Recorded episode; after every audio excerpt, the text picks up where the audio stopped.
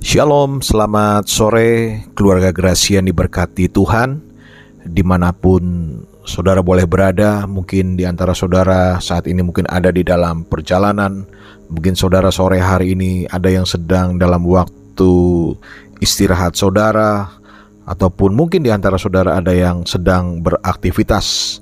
Tapi satu hal yang kita tahu bahwa bukan satu kebetulan Kalau Bapak Ibu ini dikasih Tuhan boleh diberikan satu kesempatan untuk mendengarkan kebenaran firman Tuhan, khususnya di dalam program Mutiara Jiwa sore hari ini. Mari kita akan siapkan hati dan siapkan diri kita untuk menerima berkat firman Tuhan. Kita satu di dalam doa. Bapak kembali kami mengucap syukur, kami berterima kasih untuk kesempatan dan waktu yang begitu indah yang Engkau berikan untuk sore hari ini kami mendengarkan firman-Mu Bapa. Kiranya Engkau taruhkan berkat dan pengurapan atas hambamu dan kami semua yang mendengar dalam kebenaran firman-Mu sore hari ini. Berfirmanlah Engkau di dalam nama Tuhan Yesus Kristus. Haleluya. Amin. Keluarga Grasi yang dikasihi Tuhan, tema kebenaran firman Tuhan pada kesempatan sore hari ini adalah mencapai garis akhir atau mengakhiri dengan baik untuk mencapai garis akhir. Satu kebenaran firman Tuhan yang akan mengawali terambil di dalam kitab Ibrani 12 ayat yang pertama. Ibrani 12 ayat yang pertama demikian firman Tuhan. Karena kita mempunyai banyak saksi bagaikan awan yang mengelilingi kita. Marilah kita menanggalkan semua beban dan dosa yang begitu merintangi kita, dan berlomba dengan tekun dalam perlombaan yang diwajibkan bagi kita. Saudara Ibrani 12 ayat yang pertama yang kita sudah dengarkan bersama-sama mengambil satu perikop tentang sebuah nasihat supaya bertekun dalam iman. Saudaraku, hidup kekristenan adalah sebuah perlombaan. Ya, kalau kita ilustrasikan, katakanlah sebagai suatu lomba, yaitu lomba lari. Di dalam lomba lari, saudara tentunya ada akan selalu ada garis start dan juga ada garis finish. Ya, garis start adalah garis untuk memulai suatu perlombaan. Kapan kita memulai? Ya. Atau artinya di dalam hidup kekristenan kita garis start bisa kita gambarkan adalah pada saat kita percaya kepada Yesus, pada saat kita mengambil keputusan ya untuk kita menjadi murid Kristus, itulah start di dalam kehidupan kekristenan kita. Dan saudara yang dikasih Tuhan, di dalam sebuah perlombaan lari ada sebuah garis yang penting ya. Di dalam perlombaan lari tersebut namanya garis finish oleh kasih Tuhan. Start adalah penting, tetapi yang lebih penting yaitu adalah finish ya. Nah, yang kasih Tuhan artinya apakah kita bisa mencapai garis akhir? Apakah kita bisa mencapai finish dengan baik? Mencapai garis akhir mengakhiri dengan baik. Pengkhotbah 7 ayat 8a firman Tuhan berkata, akhir suatu hal lebih baik daripada awalnya. Saya ulangi keluarga generasi ini berkati Tuhan, akhir suatu hal lebih baik daripada awalnya. Artinya tadi saya sudah singgung bahwa mengawali adalah baik, tetapi mengakhiri ada sesuatu yang lebih baik. Mengawali lebih penting, tapi mengakhiri jauh lebih penting. Nah, saudara kasih Tuhan, Rasul Paulus pernah berkata di akhir hidupnya yang tertulis di dalam 2 Timotius 4 ayat yang ke-7. 2 Timotius 4 ayat yang ke-7, firman Tuhan, demikian firman Tuhan, Aku telah mengakhiri pertandingan yang baik. Aku telah mencapai garis akhir dan aku telah memelihara iman. Saudaraku, kalau saudara mendengarkan uh, pembacaan ayat yang terambil dari dari 2 Timotius 4 ayat yang ketujuh ini ini merupakan satu ayat yang sering mungkin saudara sering uh, menjumpai kalau saudara memang memperhatikan di sebuah uh, apa kita katakan sebuah uh, nisan dari sebuah uh, makam sungai kasih Tuhan sering kali ayat ini disematkan ya di dalam batu nisan uh, dalam sebuah makam sungai kasih Tuhan. Ya. Nah, sebagai sebuah pertanda bahwa uh, sebagai umat percaya murid Kristus bahwa mengakhiri pertandingan yang baik ya, mencapai garis akhir dan telah memelihara iman. Saudaraku keluarga kreasi ini berkati Tuhan.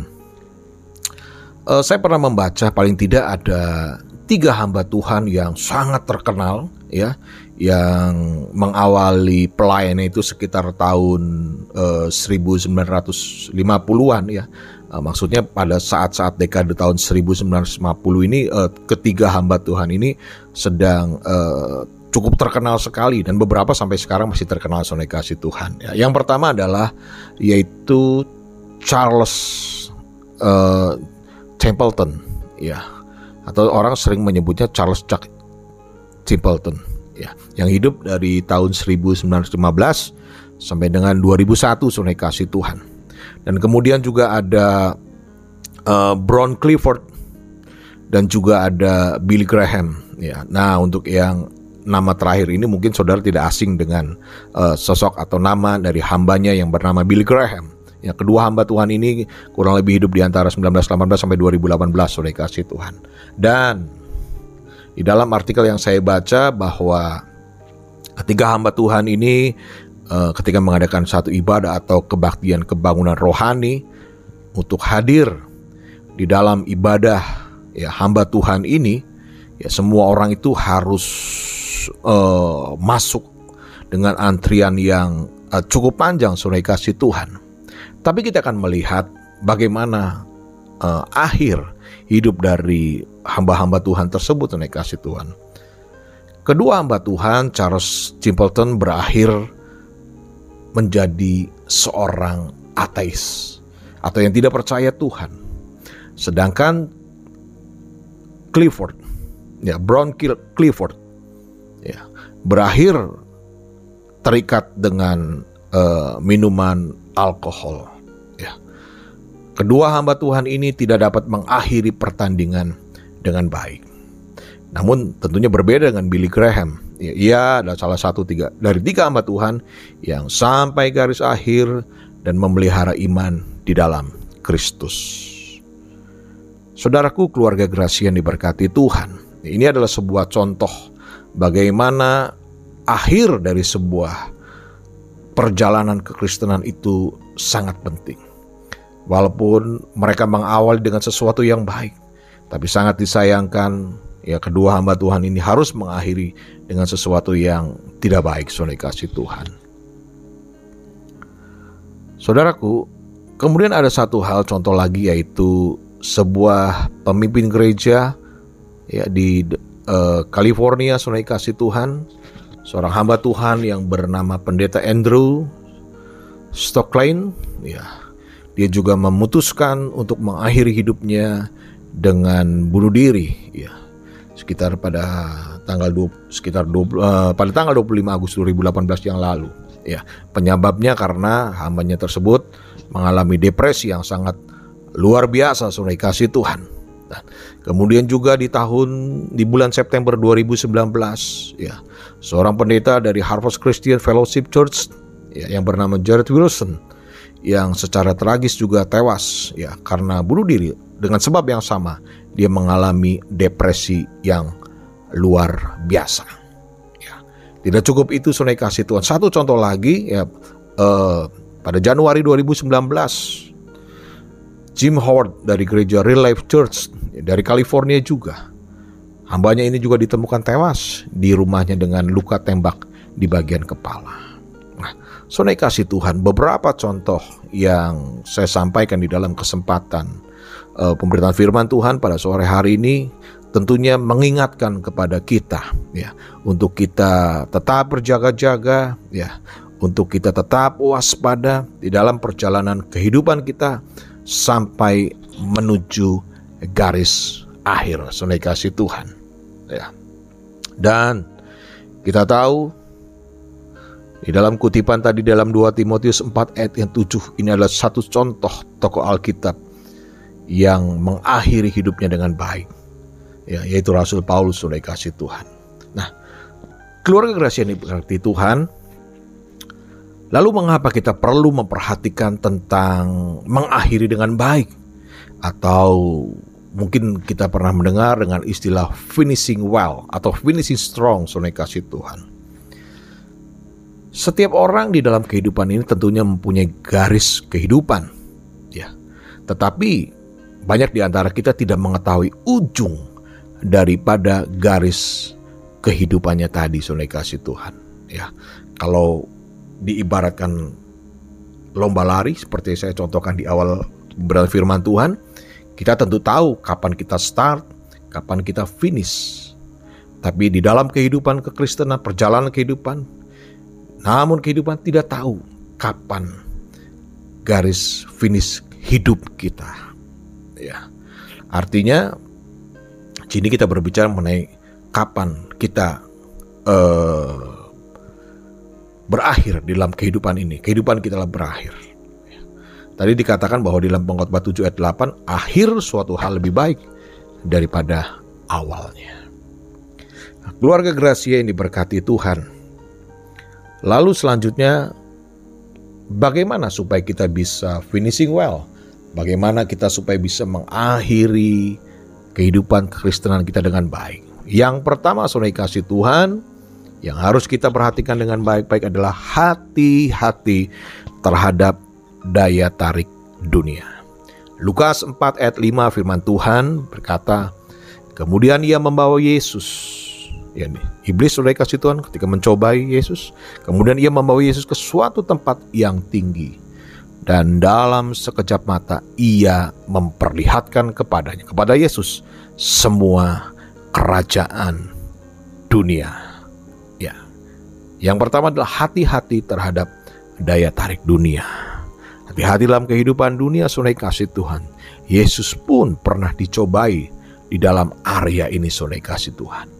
Nah, bagaimana supaya kita tidak terpikat oleh daya tarik dunia, oleh kemewahan dunia, yaitu hiduplah di dalam ucapan syukur sunai kasih Tuhan. Hidup penuh dengan ucapan syukur, hidup dengan gaya hidup mengucap syukur. Ini adalah satu hal yang baik untuk supaya kita tidak terjebak dalam daya pikat, daya tarik dunia, kemewahan dunia, kehidupan dunia yang menawarkan begitu luar biasa dalam kehidupan kita. Yang kedua, saudara kasih itu bagaimana supaya kita bisa mengakhiri kehidupan kekristenan dengan baik. Ya, yang berikutnya adalah dikatakan di dalam ayat tadi adalah tanggalkan bebanmu ya tanggalkan bebanmu Ibrani 12 ayat 1 tadi yang kita baca dalam awal adalah marilah kita menanggalkan semua beban ya dan dosa yang begitu merintangi kita beban dan dosa adalah suatu hal yang merintangi saudara dan saya di dalam kehidupan perlombaan yang harus kita jalani sebagai murid Kristus. Tanggalkan bebanmu, saudara kasih Tuhan. Ya, ayat ini sangat jelas, ya, begitu jelas, ya, karena beban-beban dan dosa itu adalah sesuatu yang sangat merintangi kita di dalam mengikuti perlombaan dalam kehidupan kekristenan kita, saudara kasih Tuhan. Ya.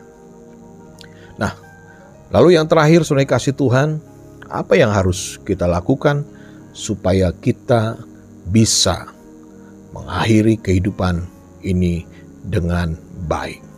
Ya. Yaitu tetap fokus pada Yesus. Ya.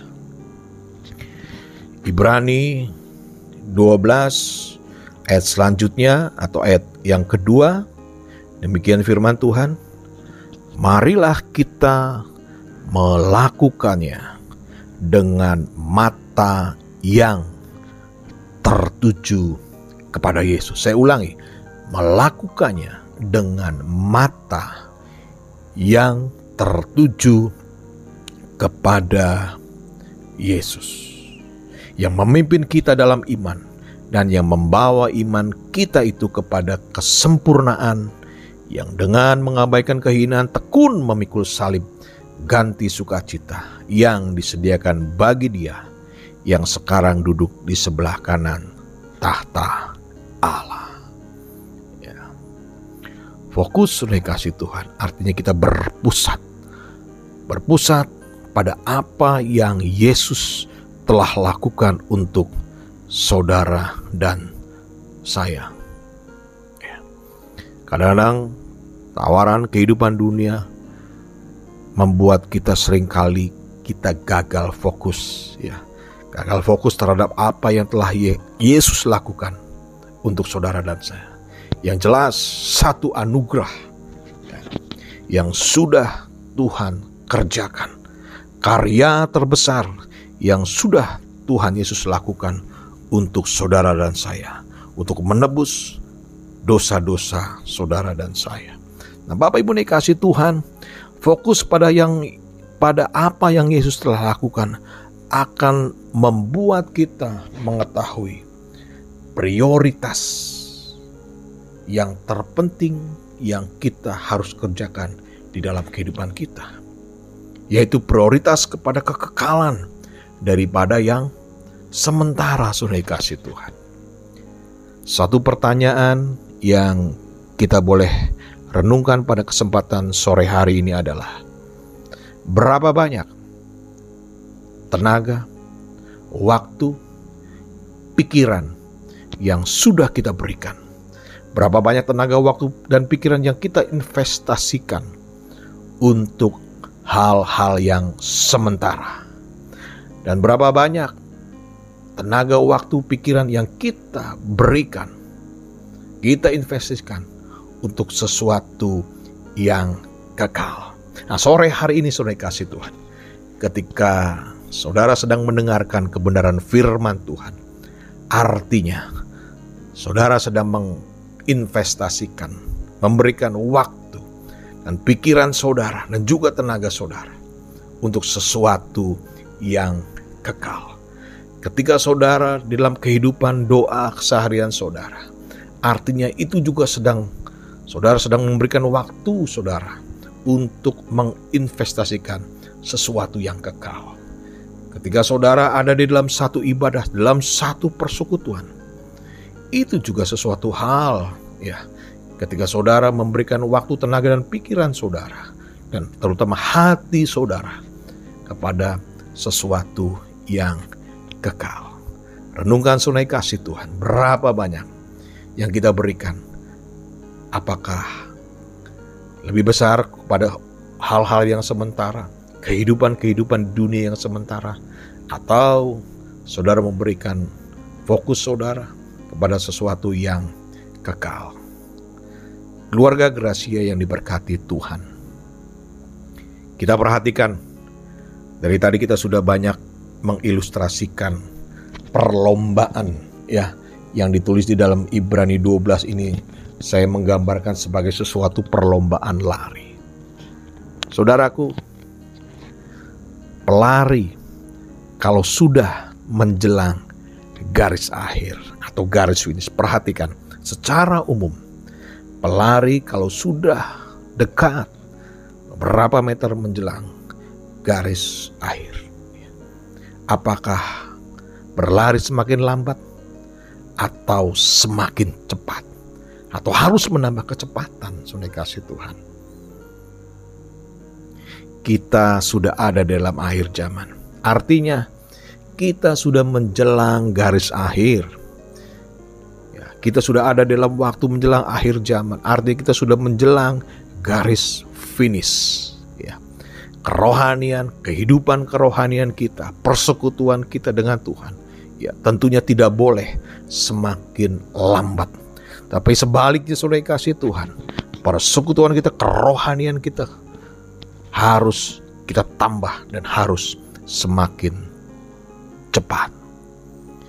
Ayat firman Tuhan untuk mengakhiri renungan firman Tuhan dalam program Mutiara Jiwa Sore Hari adalah Galatia ayat 3. Adakah kamu sebodoh itu?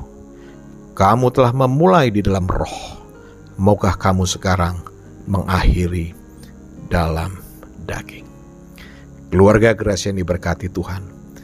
Firman Tuhan pada sore hari sudah mengingatkan kepada kita semua untuk kita mengakhiri kehidupan kita dengan baik.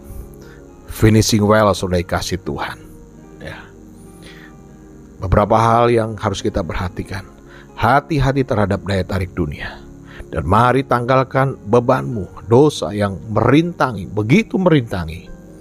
Dan tentunya kita harus tetap fokus pada apa yang Yesus telah lakukan untuk kita. Dan yang terakhir, prioritaskan hidupmu kepada yang kekal daripada yang sementara. Kita satu dalam doa. Tuhan firmanmu sudah mengingatkan kami semua ya Bapa. Supaya kami memperhatikan garis akhir kehidupan kami. Karena kami tahu Tuhan, suatu saat kami akan sampai di dalam garis akhir. Kehidupan kami harus berujung kepada garis akhir, khususnya garis akhir dalam kehidupan di dalam dunia ini, menuju kepada kekekalan yang abadi. Kerinduan kami adalah kerinduan Engkau Tuhan kami percaya. Engkau telah rindu untuk kami umatmu ada bersama-sama dengan Engkau di dalam kekekalan.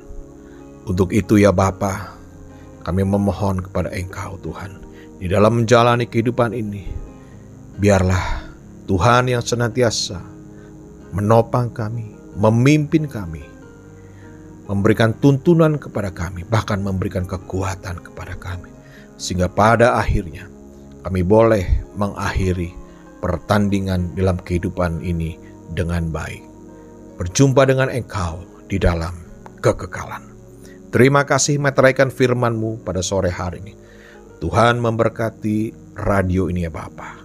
Dan sehingga radio suara Gracia ini di dalam berkat Tuhan terus menjadi berkat. Dalam nama Tuhan Yesus Kristus, kami berdoa, kami mengucap syukur. Haleluya. Amin. Demikian sonai kasih Tuhan, keluarga Gracia ini berkati Tuhan, firman Tuhan yang boleh kita dengarkan pada kesempatan sore hari ini Bapak. Tuhan memberkati kita semua. Immanuel.